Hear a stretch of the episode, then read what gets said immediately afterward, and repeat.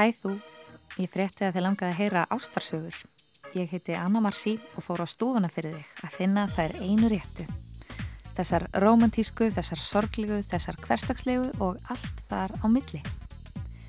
Kendu þeim um, kvöldunum í bænum. Ég er eins og ég er, samt leitar hugurinn heim til þín. Gúan og stelpan mín.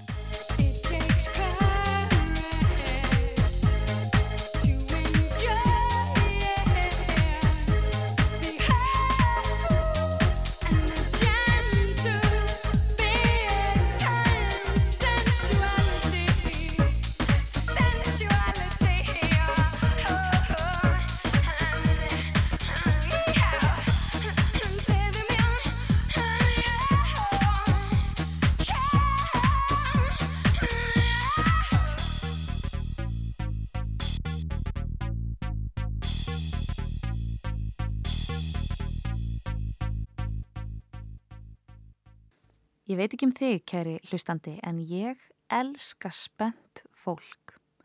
Fólk sem sér eitthvað nýtt tækifæri, eigir einhverja nýja gleði sína eigin eða annara og finnst hún svo geggjuð að það finnur fyrir henni í líkamannum og smitar henni út frá sér. Sjálf sjálfar gúruar minn okkur reglulega á að lifa í núinu, ekki í draugum fortíðar eða vonum framtíðar. Og það er gott að blessað. En spennt fólk kann að svindla.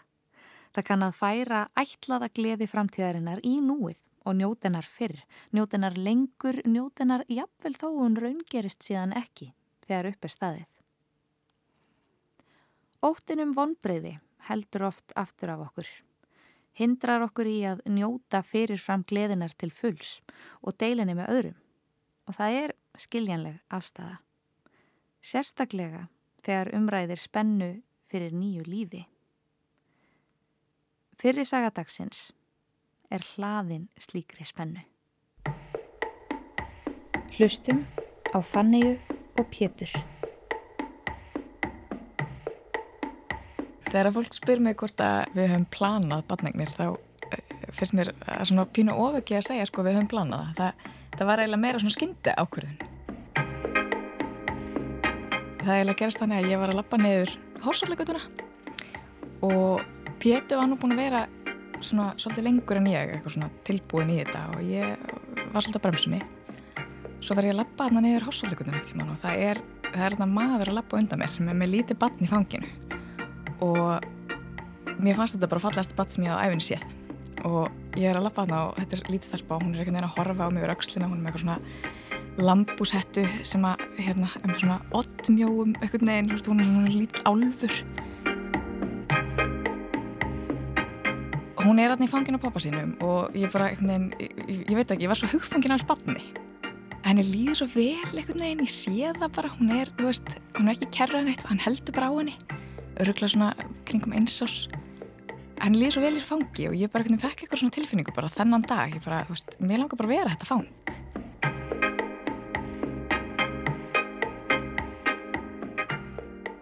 Ég kom heim bara setnum daginn og, og sagði bara, herru, nú eignustu bann og hérna ég held að hafi liðið 15 dagar þannig að tók ólítipróf og það var jákvætt. Þannig að það þetta var svona, já eins og ég segi meira skyndi ákvörðun heldur en plan.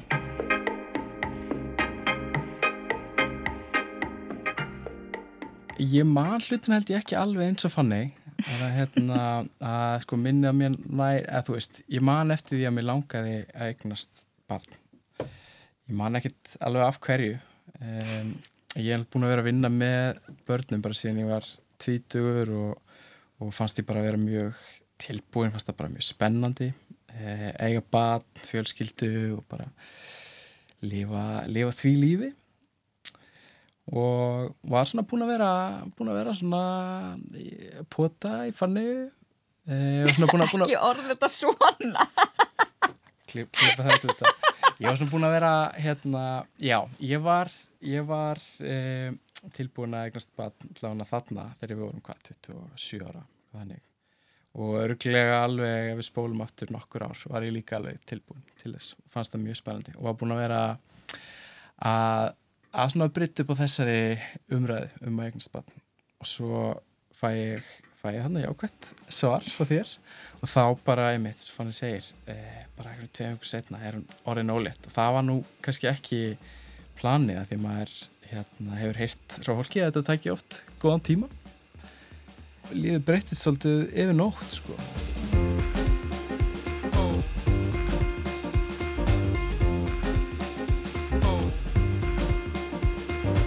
Sko ég held að ég hafi ekkert sagt þér að ég væri að fara að taka ólítupróf. Ég hafði þetta rosa stert á tilfinningunni og var búin að hafa bara, þú veist, í örgla viku. Ég, þú veist, ég var alltaf þannig að ég fann rosa mikið fyrir einhvern veginn, þú veist, svona mínum tíðarring og það var bara, þú veist, það var, einhvern veginn, hlutinni voru ekki eins og þau rátt að vera.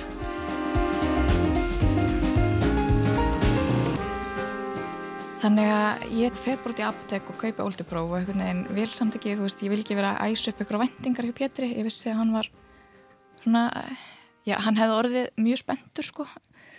Þannig ég ætlaði ekki að fara að búið líka vombreyði áður en ég var búin að fá jákvæmt óldupróf þá var hann byrjaður að tala um að bjóða sér fram í fóraldrafélagi sko. Þannig að ég ætlaði ekki að fara að bæta óli á eldin eh, en já, ég er að teka óldupróf og, og fæ bara jákvæmt, þú veist, bara eila strax.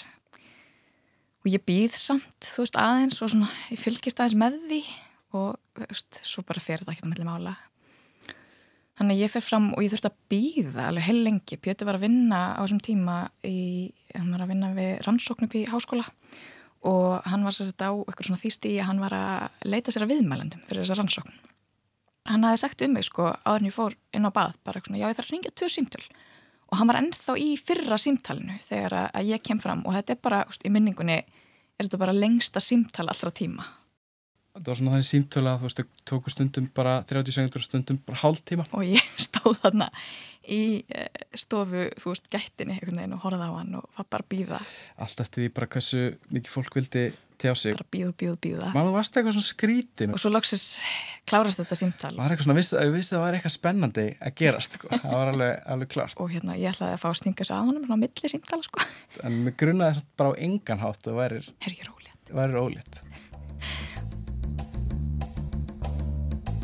ég, ég man nú ekkert svona mikið hvað gerist beint í framhaldina því en ég man að þrem mánuðum senna þá segir Pétur alltaf einu herði ég glimt alltaf að ringja senna símtali.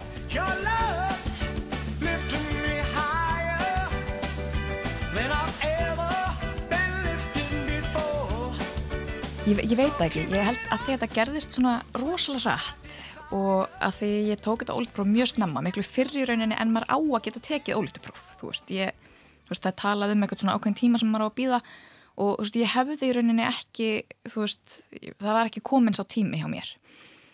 Ég uppliði þetta kannski ekki beint sem raunveruleika. Og samt sko fóru að upplifa allar að morgunógliði og allt þetta dót sko sem allir upplifa. En eitthvað starf aftast í höstnum samt lættist það mér svo grunnur að ég væri ekki ólétt. Og hérna og ég veit ekki, kannski segir það bara ótrúlega margt um mig en sko, ég veit bara ekkert hvað maður á að gera þú veist, ég, ég fæ bara þú veist, ég meina bíómyndin nær aldrei neitt lengra en þetta, þú veist, bara konan pissar á prófið og svo bara fæðist badni, það er einhvern veginn svolítið svona þannig að hérna, ég ringdi upp á helsugjastlu ykkur um dögum setna og saði bara, og ég ætlaði, ég menna það var kannski bara mótökur í þarna helsugjastlinu sem var fyrsta mannskja sem vissi að ég veri ólétt sko og hérna ég sagði bara, herri þú veist, ég held sé ólétt, Hva, hvað að gera? Og, og hún gaf mér samband við ljósmóður. Ljósmóðurinn sagði bara með hérna, já bara þú veist ekki taka íbúfenn og uh, svo kemur bara þú ert komin tíu vikur. Og það voru á þessum tímapunkti sex vikur í það eða eitthvað. Þannig ég var alveg ok, við segjum allavega einhverjum áður en við erum búin að fara til ljósmóður. Af því að þú veist, ég var aftur bara ekki alveg sannfærið með um að þetta væri raunverulegt og svo kemur í ljósa í tífengarskóin það var bara að vera að vikta þig og spyrja þig út í fjölskyldursögu og eitthvað, það er engin veist, það er engin staðfesting ennþá. Og þarna jógst alveg rosalega hjá mér kvíðin sko. Ég er alveg, ah shit, nú er ég sko ekki ólétt bótið þetta. Og ég er búin að koma mér inn í eitthvað kerfi. Ég er búin að láta skráða það ég var heilsugjastlinni, ég er búin að batni og svo er þetta kannski bara ekkert, þú veist ekkert alvöru.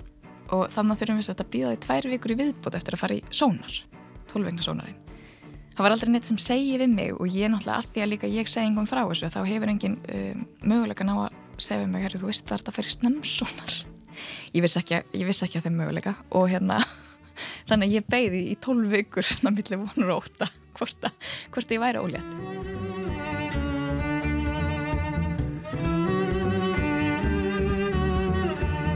Já, það kom mér svolítið óvart sko, þegar við fórum í, í tólvögnarsónarinn og, og, og þegar maður fyrir tólvögnarsónar þetta er bann, sko, þetta lítur út úr svo bann þetta er ekki eitthvað svona sekkur með einhverjum punktin í, veist, þetta er bara lítið bann sem er að vinka og svibla fótonum og, og þú veist, og mér finnst það bara sjokkarand að sjá það, sko. Því ég var, eins og ég segi, bara hálfpartin að búast við að, hérna, að það væri bara ekkert og, og ég fengi bara eitthvað svona brúna nikl og bara, akkur, akkur ertu hérna? Um, en já, þannig að það var, það var kannski það sem tók við og við sögðum engum sem við þekktum uh, að við ættum mónabatni fyrir en að við vorum búin að hitta ljósmáðurinn í fyrsta skipti. Fyrir sónarinn samt en hérna eftir þennan fund með þessari ljósmáður þannig að það voru satt, á þeim tímabúndi fóreldra mínir og, og svo besta vinkonum minn spurði mig hvort ég væri ólétt og ég gæti ekki annað en svara henni reynskilslega á þeim tímabúndi en uh, Pétur var reyndar uh, áður en við hittum ljósmáðurinn og áður en að allt þetta gerist búin að kæfta frá einu sinni hann var mjög spenntur, eins og ég segja, hann var strax fann að tala um hann að bjóða sig fram í fóröldrafélagið og ég veit ekki hvað hvað og var búin að vera að spurja mér svolítið lengi sko hvort hann mætti ekki segja bara einhverjum. Og ég var ekki alveg, ekki alveg á því að því ég var ekki alveg usum ég væri ólétt. Og hérna en svo kom hann heim mjög skömmustulegur einn daginn og sagði mér að hann hefði óvart kæft að frá. Ég alveg hverjum? Og þá hafði hann sérst sagt ókunnir konu í strætó að hann ætti honum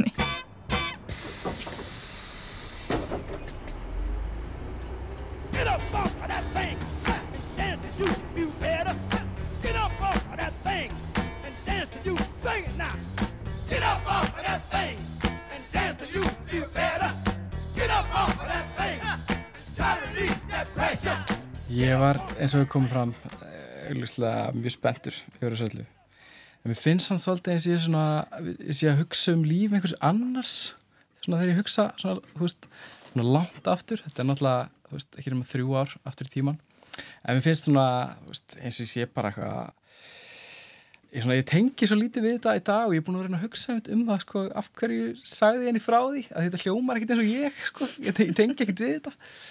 En, þú veist, það hlýtur að hafa verið bara eitthvað ótrúlega spennaðna og ég var á þessum tíma að, að vinna í þessari rannsókn sem ég var að taka viðtöl við einstæða feður sem að voru lang, lang flestir eh, lágstjættar feður sem hefur glýmt við bara mikið af svona mikið af einhverjum bara einhverjum vandræðum í uppeldinu. Og ég var og það var undantekninga laust fekk ég spurninguna svona átt úr börn? Og, og ég var alltaf svona uh, nei. Og langaði alltaf að langaði alltaf að deila og tengja sko. Hérna veist, þetta var svona þannig umhverja að hérna þú veist að vorum að reyna að tengjast bara svolítið mikið. Þannig að ég held að uh, ég hafi bara komið inn í, inn í stræt og þarna á þessum, þessum örlega erga degi og það hafi bara eitthvað eitthvað sprungið sko.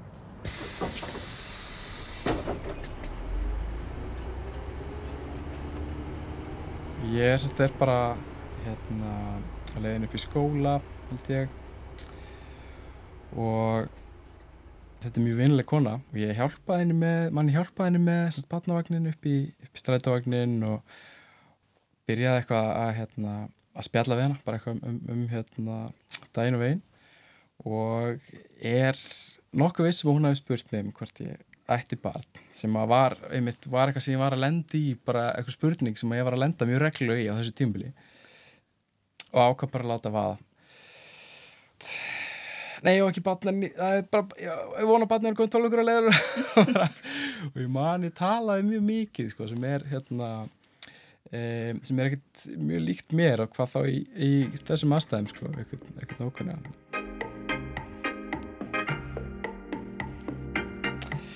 Þannig að já og hérna og ég manna að ég svona ég fattaði að ég var að deila mjög persónlegum upplýsingum við eitthvað sem ég þekkti ekki neitt eh, manna að það var svona það var mjög gott sko. Svona búin að sleppa eitthvað svona út í heiminn sko þú veist.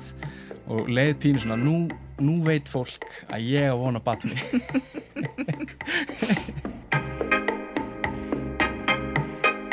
Ég lendi í því sko þegar ég var úlingur að ég, þú veist, þá var ég strætókonan nema ég var ekki strætó, en hérna ég lendi einu sniði sem úlingur að ég var óvart fyrsta mannskjan sem að einhver ókunnur sagði mér frá því að hún ætti vonabatni, ég var að vinna á veitingasta ég var örgulega í tíundabekk og það kemur einn kona og hún er rosa mikið að spurja mig hvað er í öllu?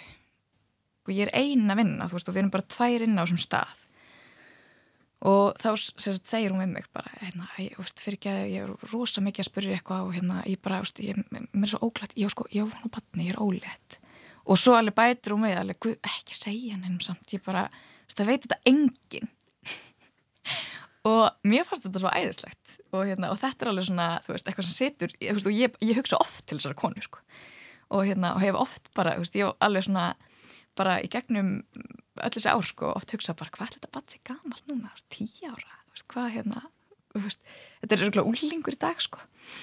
Og hérna þannig að e, í gegnum sko þennan tíma þá hef ég alltaf einhvern veginn geta sett mig í spór sko strætókonunar og, og hugsa sko þú veist ætla þetta sé eitthvað sem hún hugsa líkum Já, algjörlega algjörlega, ég held að það verið að fyrsta sem ég gerði þegar ég kom heim síðan var að segja manninu mínum hvað mér hefði fundist þetta fallegt af því að, að því að hann var svo einstaklega spenntur. Ég minna hann hafi sagt um, má ég segja þér svolítið. Er lindamál en mér langar bara svo til þess að segja það uppgátt. Og ég sagði já að sjálfsögðu og þá segir hann já vona barni en það, það er sko engi sem veit að en já eins og ég segi mér langar bara svo að segja það uppgátt. Þannig að ég held að það hef verið það fyrsta sem ég gerði þegar ég kom heima að segja hvað mér hefði þetta uh, krútlegt uh, moment í strætó.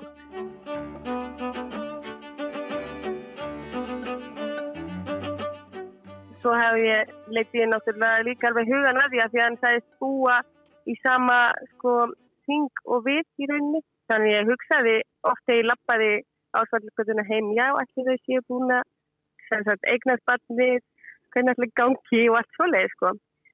Einmitt líka kannski skildi ég einhvern veginn að rekast á þá feðka eða feðkin af því að ég vissi svo sem ekki hvaða kynan átti hún á. Þannig að já, að vissulega, ég hugsaði alveg oft um, um þetta móment og, og hvernig, hvernig gengi ekki hjá þeim.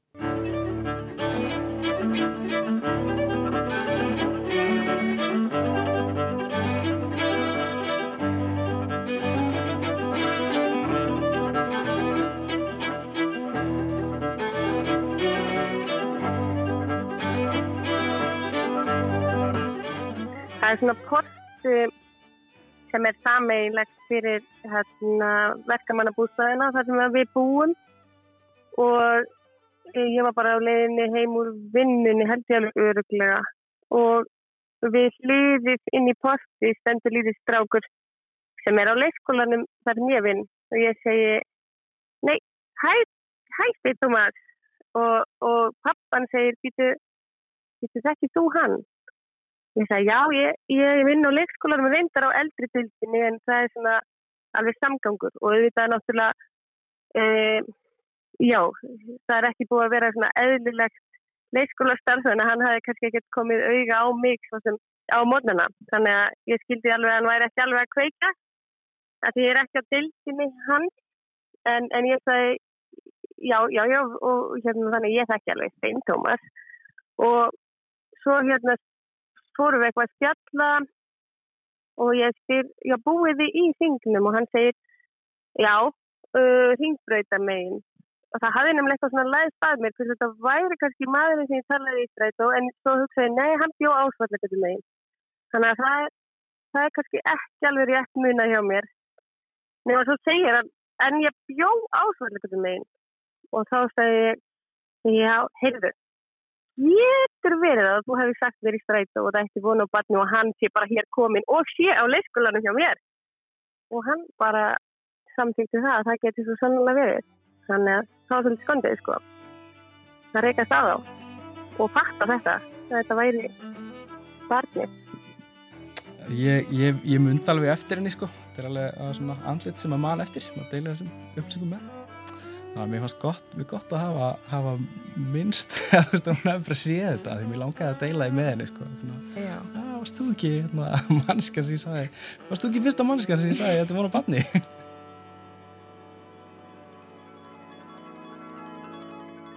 Ég er uh, formaður fóröldafélagsins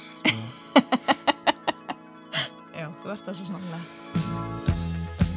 og þetta er svona sameinandi verkefni alveg barn Hann segir okkur oft, verið sko, í svona óspyrðum fréttum, þá segir hann oft, mamma og pabbi, við erum bestu vinir. Og ég held að það sé bara alveg rétt hjá honum, sko. Já, algjörlega Can you hear me calling out your name? Lægið Everywhere, Fleetwood Mac. Mér skilst að sonur Fannegar og Péturs sé sérstakur aðdáðandi sveitarinnar. Nýtum líka tækifærið og þökkum Kristínu strætókonu kærlega fyrir óvænta innkomi. Þátturinn verður ekki lengri í dag. Ég heiti Anna Marci og þú getur sendt mér post á ástarsögur at rúf.is. Ástar